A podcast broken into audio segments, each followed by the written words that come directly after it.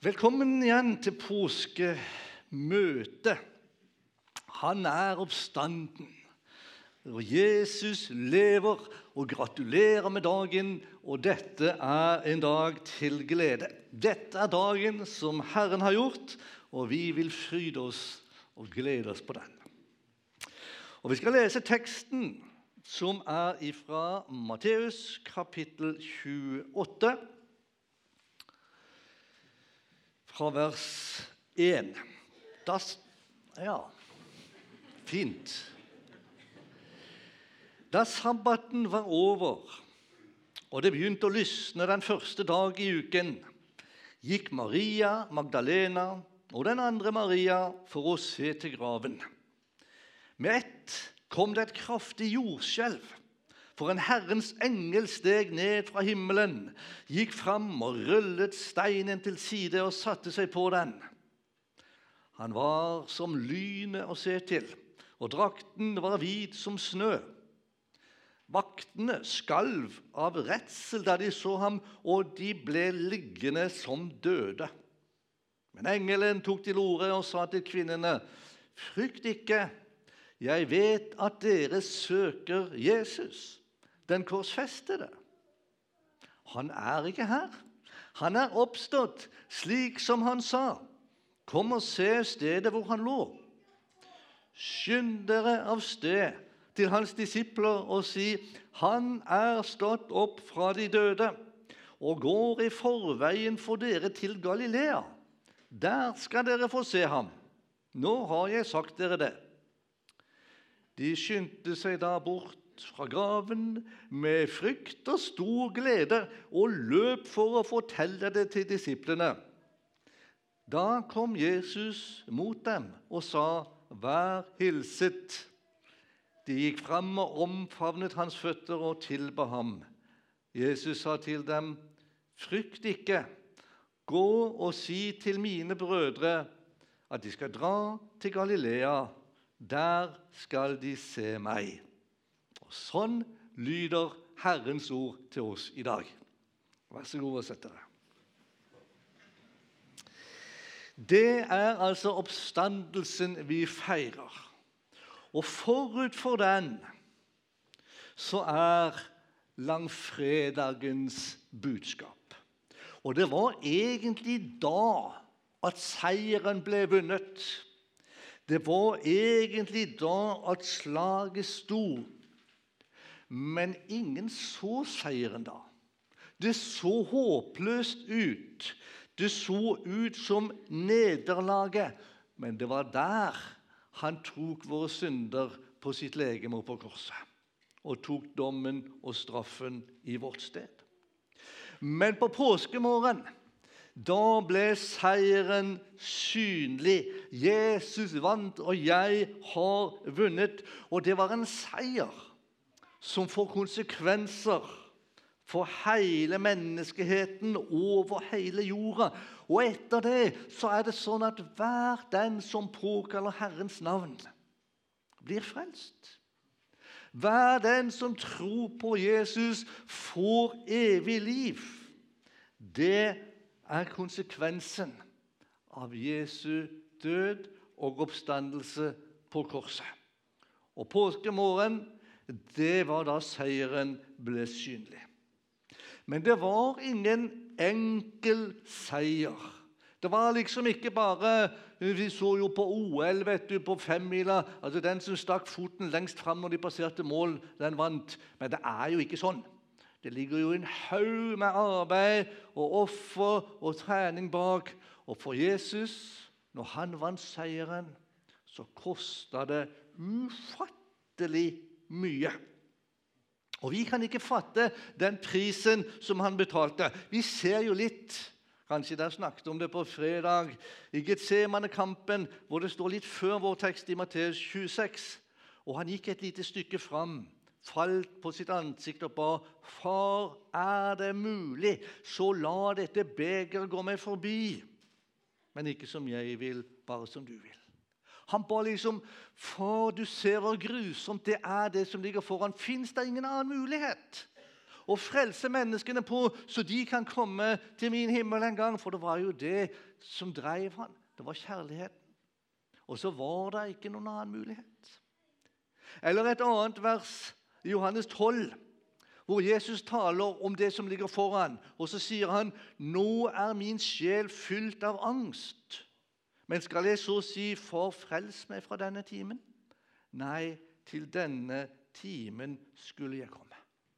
Men nå er min sjel fylt av angst. Har du lest noen andre steder at Jesus var redd? I møte med de verste demoner og onde åndsmakter. I møte med spedalskhet hvor folk flykta bare de hørte lyden av dem. I møte med stormen hvor fiskerne var så redde at de visste ikke hva de skulle gjøre. Så sto Jesus der, fryktløs. Men her i møte med det som var foran, så står det min sjel er fylt av angst.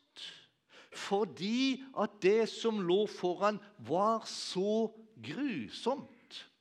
Det var ikke bare den, den ytre torturen, den grusomme døden, den forferdelige skammen.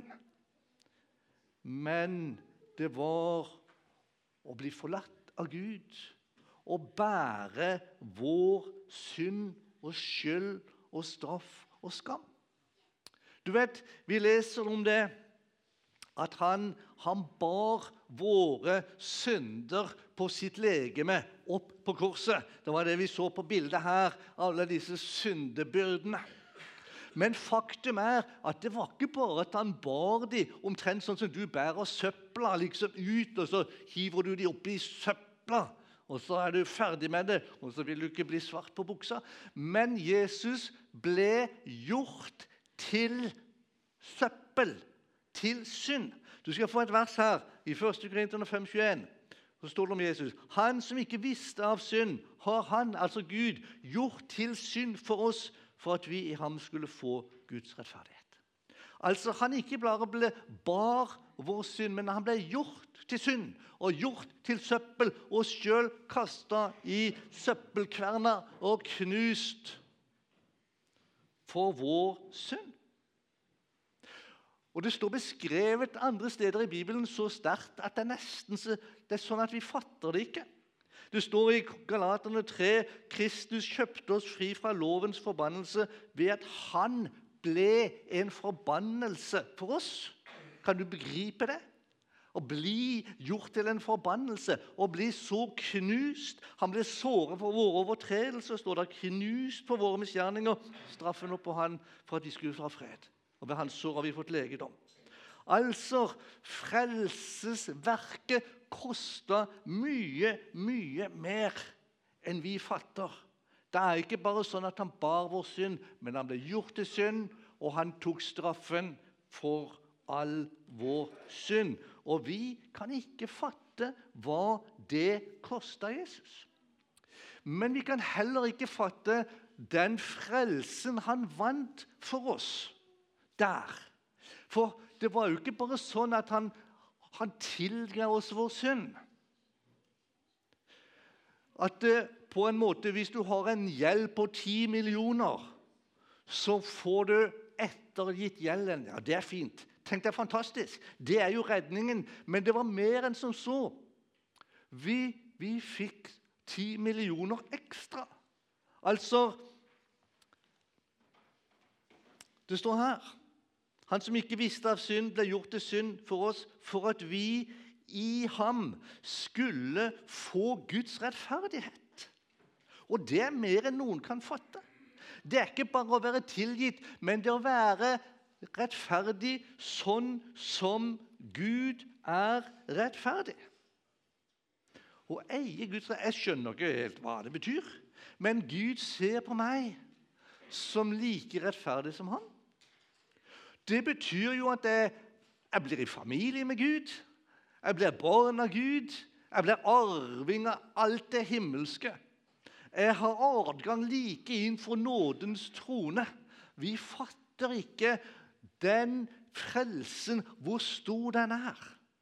Den Jesus vant. Og vi fatter ikke den prisen han betalte for å vinne den for oss. Men vi tror det, og vi tar imot det. Og så har vi det. Ufortjent ved tro. Og I teksten i dag da, så møter vi to damer. Det er Maria og Maria. De skjønte nok ikke så mye av dette. For de var dette en sorgens dag, i alle fall til å begynne med, når de av en eller annen grunn var på vei til Jesu grav. Eh, de, det var Maria Magdalena, og så var det Maria Jesu mor. Maria Magdalena hadde jo hatt et brokete liv. Hun hadde vært besatt av syv onde ånder. Så har du møtt Jesus, og så har du fått et nytt liv, og så har du fått en ny kjærlighet, og så har du fått en ny glede, og det var Jesus. Og så har du sett at han ble tatt til fange, han ble piska, og han døde. Og alt håp var ute. Og Den andre det var jo Maria, Jesu mor.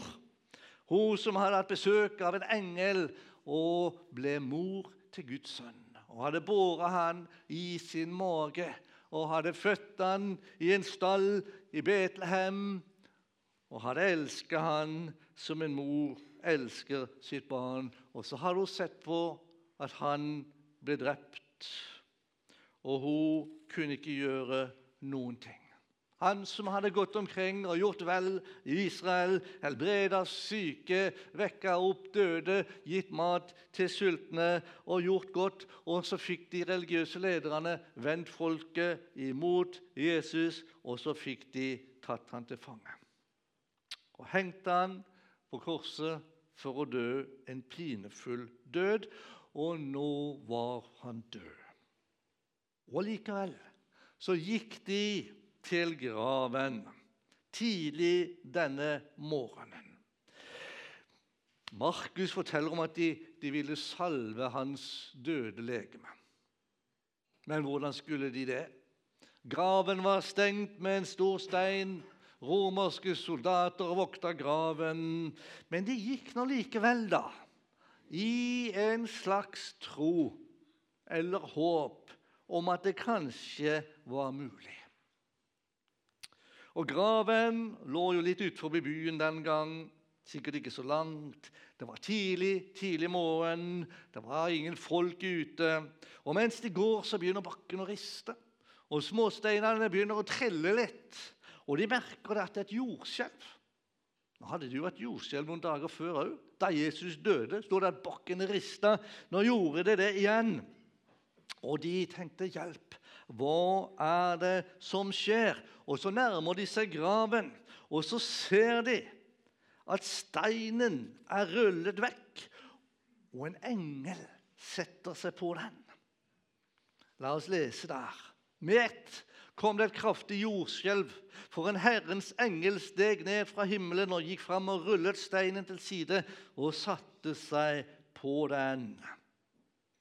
Og Så står det òg om at han var som lynet å se til, og drakten var hvit som sne. En engel. Og du vet, Engler er ikke sånne lubne vesener med små storkevinger som flagrer omkring. I Bibelen så er engler ofte menn i skinnende hvite klær, skremmende. Og Derfor så sier nesten alltid engler til de folkene de møter, 'Frykt ikke, du bør ikke være redd dette, dette går bra. Fordi at folk ble som oftest redde i møte med engler. Og, og, når det står at han var som lynet å se til, så vet jeg ikke helt sikkert hva det var. Kanskje var det noe brått. Kanskje var det lyset. Kanskje var det det skremmende i det. I alle fall så beskrives han som lynet, og drakten var hvit som sne. Og engelen altså velta til side denne steinen. Bare det var jo en maktdemonstrasjon. Og synet av det som skjedde, var så skremmende at de romerske soldatene, som var trente soldater, de ble ikke skremt av hva som helst. De falt til jorden som døde. De døde ikke, men det betyr rett og slett bare at de svimte av. Ser du det for deg? Der står de med hjelm og alt, og bare bang, og så ligger de der. Ganske skremmende, det som skjedde med denne engelen. Og disse to damene, da, eller kanskje var de tre noen har med Salome òg, de ble jo redde, de òg, men ikke så redde. Men Nå hadde jo Maria møtt engel før, selveste engelen Gabriel, da hun skulle da Jesus ble unnfanget. Og da ble hun redd, men ikke så redd. Det var i hvert fall noe der som gjorde at disse damene de ble ikke så redde når de så det som var skjedd. Men hvorfor var det så egentlig at denne engelen velta til side den svære steinen fra graveåpningen? Var det for at Jesus skulle komme ut? Nei. Nei, Jesus han hadde allerede stått opp. Han, han, var, ikke, han var ikke lenger bundet av sånne stengsler. Han kunne gå gjennom stengte dører. Han hadde et herlighetslegeme, et oppstandelseslegeme. Nei, steinen ble velta bort for at Maria og Maria og disiplene og alle som ville, skulle se at graven var tom. Og Jesus var stått opp til et vitnesbyrd for oss om at Jesus lever. Og engelen sa jo til disse kvinnene da Frykt ikke, jeg vet at dere søker Jesus den korsfestede. Han er ikke her. Han er oppstått slik som han sa. Han er stått opp. Han har seira. Det som så ut som nederlag, fiasko, mislykket, ble vendt til seier. Jesus sto opp ifra de døde. Og Noen av dere har sikkert vært i Jerusalem og har sett gravkirken. Det er vel den som heter Gordons Golgata på døren hvor det står 'He is not here, he is risen'. Han er ikke her, han er stått opp. Han hadde jo sagt det sjøl mange ganger at han skulle stå opp igjen ifra de døde mm, den tredje dagen, men de hadde ikke skjønt det. Det er litt rart, det. Disse fariseerne de, de, skjønte det etter hvert at hmm, han snakket noe om at han skulle stå opp den tredje dagen. Det er kanskje best vi setter ut noen vakter. Eh, i tilfelle noe skulle skje. Mens disiplene de burde ha tenkt han sa at han skulle stå opp den tredje dag. Kom, la oss stille opp og så stå og se når han står opp. Men de gjorde ikke det. De tenkte ikke på det. Men disse to damene, eller kanskje de var tre, de var der. Og de møtte denne engelen. Og så står der denne engelen da. Da var han, hvis det var han, inn i graven. Og så sier han til det, da vi kommer til vers 6 der, Kom og se stedet hvor han lå, sier han til de kvinnene. Og Han var nok ikke så dum, han der engelen. For han tenkte som så at hvis de bare går og så bare tror de mitt ord, som jeg sier han er stått opp, og så går de, og så kommer de et stykke, og så tenker de kanskje hmm, Kanskje ikke han var stått opp likevel? Kanskje, var, kanskje vi hørte feil? Kanskje det var en misforståelse. Så Derfor så tenker han de må komme ned i graven, helt ned og se at han virkelig er stått opp. Så de gikk ned, og der sto engelen og sa til de, skynd dere av sted til hans disipler og si han er stått opp fra de døde og går i forveien for dere til Galilea. Der skal dere se ham.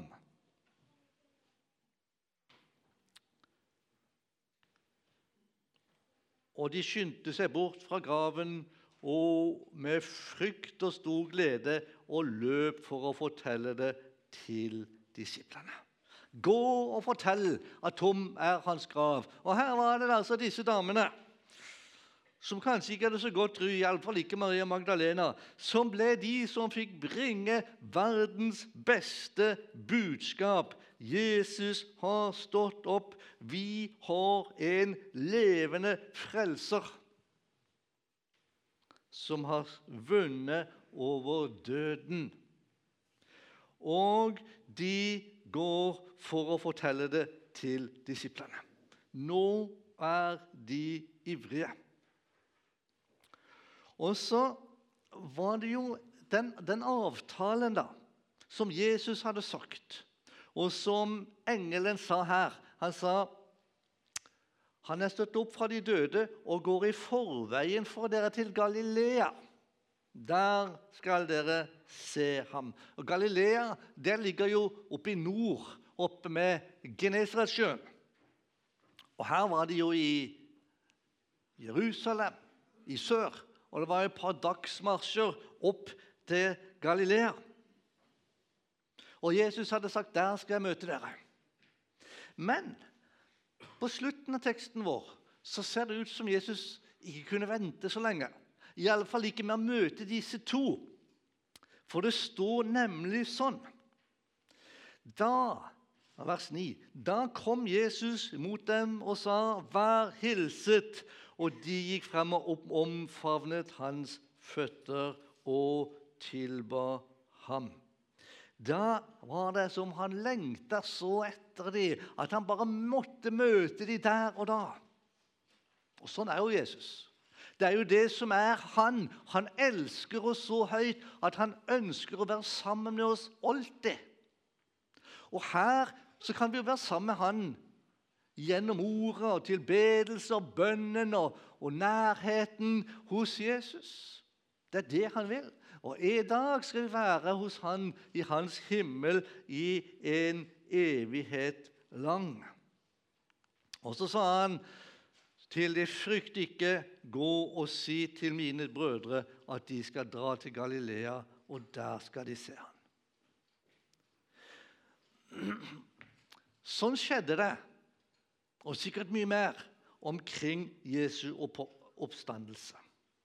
Men så er det et spørsmål som vi kan ha. Og det er dette Hvorfor er så denne oppstandelsen så viktig? Du vet, Det er noen som tenker at ja, det er ikke så nøye på om man virkelig står opp fysisk eller ikke, bare jeg tror på han i mitt hjerte. Men det er viktig for hvis Jesus ikke står opp, så vi, bedrar vi oss selv. Oppstandelsen jeg skal ha tre punkter her, så er jeg ferdig. Oppstandelsen bekrefter at Jesus er Guds sønn. I eh, en oversettelse av Bibelen som heter Bibelen en levende bok, så står det i Romerne 1,4.: Da han sto opp igjen fra de døde, ble det bevist at han var Guds mektige sønn. I andre oversettelser står det litt annerledes. Men oppstandelsen er Guds godkjenningsstempel på at Jesus var den han sa han var. Han var ikke en bedrager, for da hadde han jo ikke stått opp igjen. Og Han hang på korset og han sa 'Det er fullbrakt'. Og så døde han. Og Ved at Gud reiste han opp, så bekrefter Gud han var den han sa han var. Det er fullbrakt. Han har tatt verdens synd på seg. Han har åpna en vei for oss til himmelen. Det er det første. Det andre grunnen til oppstandelsen er så viktig, er dette. På samme måte som Jesus sto opp fra død og grav, skal vi, alle som tror på ham, oppstå fra død og grav en gang. Han taler om det. Han er førstegrøden, og vi er resten av grøden.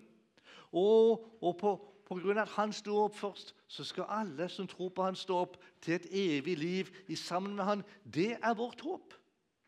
Og som vi hørte litt her til, til åpning Hvis ikke Kristus er stått opp, så har vi ikke noe håp. Da er vår tro meningsløs. Da bedrar vi oss selv. Men nå er Kristus oppstått som førstegrøden av dem som er sovnet inn. Og derfor så skal vi stå opp en gang og få være i Hans himmel en evighet lang. Det er vårt håp. Og den tredje grunnen til at oppstandelse er så viktig, er dette at oppstandelsen gir starten for misjon. Gå og fortell at tom er hans grav.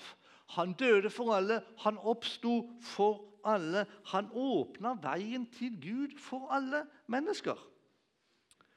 Og Den siste verset vi leste i teksten her, det var i vers 10. Og Jesus sa, 'Frykt ikke. Gå og si til mine brødre at de skal dra til Galilea. Der skal de se meg.' Og så gjorde de det. Og så går det seks vers hvor Matteus forklarer litt om at uh, disse romerske soldatene skulle si at de hadde sovna så ikke de så at uh, noen kom og røvde Jesu legeme. Og så kommer vers 16, altså seks vers lenger nede, og der står det som følger. Men de elleve disiplene dro til Galilea, til fjellet hvor Jesus hadde satt dem stevne. Og da de fikk se ham, falt de ned og tilba ham. Men noen tvilte. Og Jesus trådte fram, talte til dem og sa.: Meg er gitt all makt i himmel og på jord. Gå derfor ut og gjør alle folkeslag til disipler, idet dere døper dem til Faderens og Sønnens og Den hellige ånds navn, og lærer dem å holde alt det jeg har befalt dere. Og se, jeg er med dere alle dager inntil verdens ende. Og så begynte misjonen.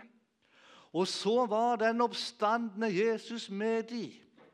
Og så er vi midt i misjonen her. Og så er den oppstandende Jesus med oss. Enten vi er her i misjonshuset, eller vi sender misjonærer ut til verdens ende. For vi har det beste budskap som fins. Jesus lever. Han er ikke død. Han sto opp igjen og seiret over grav og død. Og på grunn av han så får vi del i det evige liv og skal seire over død og grav. La oss be. Kjære Jesus, vi takker deg for det. Vi takker deg for påskemorgen og din seier på korset. Og vi takker deg for at vi får del i denne seieren. Og vi takker deg òg for at vi får være med i misjonen og få være med å bringe gledens budskap ut til jordens ender. Amen.